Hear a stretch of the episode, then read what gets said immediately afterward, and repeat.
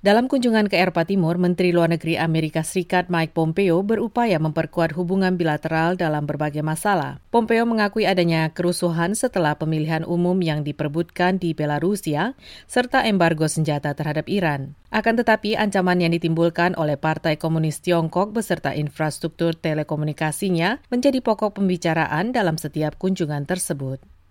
I think the whole world can plainly see now Menurut saya, seluruh dunia dengan jelas kini melihat Partai Komunis Tiongkok menggunakan infrastruktur telekomunikasi miliknya yang tidak dapat dilakukan pihak mana pun. Mereka gunakan itu sebagai alat yang sangat terkait dengan isu keamanan nasional, komunitas intelijen, dan pasukan militer. Tiongkok menepis peringatan Pompeo tersebut dengan menyatakan bahwa ke mana pun Menlu Amerika Serikat itu pergi, selalu menyebarkan virus politik dan informasi yang keliru. Akan tetapi, peringatan terkait Huawei dan hal lainnya telah membuahkan hasil ketika Pompeo menandatangani deklarasi bersama dengan Menteri Luar Negeri Slovenia, Anze Logar, yang mengecualikan sejumlah vendor yang tidak dapat dipercaya dari jaringan 5G tersebut. Salah seorang pakar kepada VOA memaparkan bahwa fokus Pompeo terhadap Tiongkok itu memberi dampak. Daniel Kochis dari Heritage Foundation menjelaskan. Uh, Kepemimpinan pemerintah Amerika Serikat khususnya dalam masalah ini benar-benar telah membantu membalikan arus. Menurut saya, semakin banyak negara yang akan sejalan dengan isu keterlibatan Tiongkok dalam generasi telekomunikasi berikutnya. Kepada VOA, Daniel Kochis mengemukakan Rusia masih menjadi ancaman langsung bagi Eropa Tengah dan Timur daripada Tiongkok.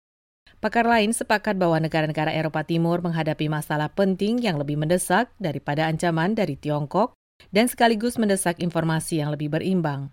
Heather A. Conley dari Center for Strategic and International Studies atau CSIS mengemukakan. So at the same time that yes, China is an important element. Uh, Jadi pada saat yang sama, Tiongkok merupakan elemen penting dari kebijakan luar negeri Amerika. Tidak bisa menjadi satu-satunya fokus perhatian. Kita harus memiliki pendekatan yang lebih gesit dan beragam terhadap negara-negara tersebut. Pompeo juga berkonsultasi dengan sejumlah pemimpin di setiap negara yang dikunjungi mengenai peristiwa dramatis di Belarusia.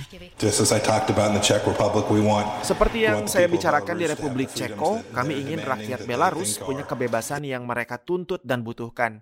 Kami saksikan banyak demo dan mendesak mereka yang mengunjuk rasa secara damai untuk dilindungi dan tidak dirugikan. Sementara itu, Menteri Luar Negeri Austria, Alexander Schallenberg kepada wartawan menyatakan, Amerika Serikat dan Uni Eropa sepakat bahwa pemilu itu tidak berlangsung dengan bebas dan adil. Alexander juga menginginkan Uni Eropa menyerukan dengan tegas kepada pemimpin Belarusia, Alexander Lukashenko, agar segera mengakhiri kekerasan dan penahanan yang sewenang-wenang serta pembebasan sejumlah tahanan yang tersisa. Metri Nikyopani, Voice of America, Washington DC.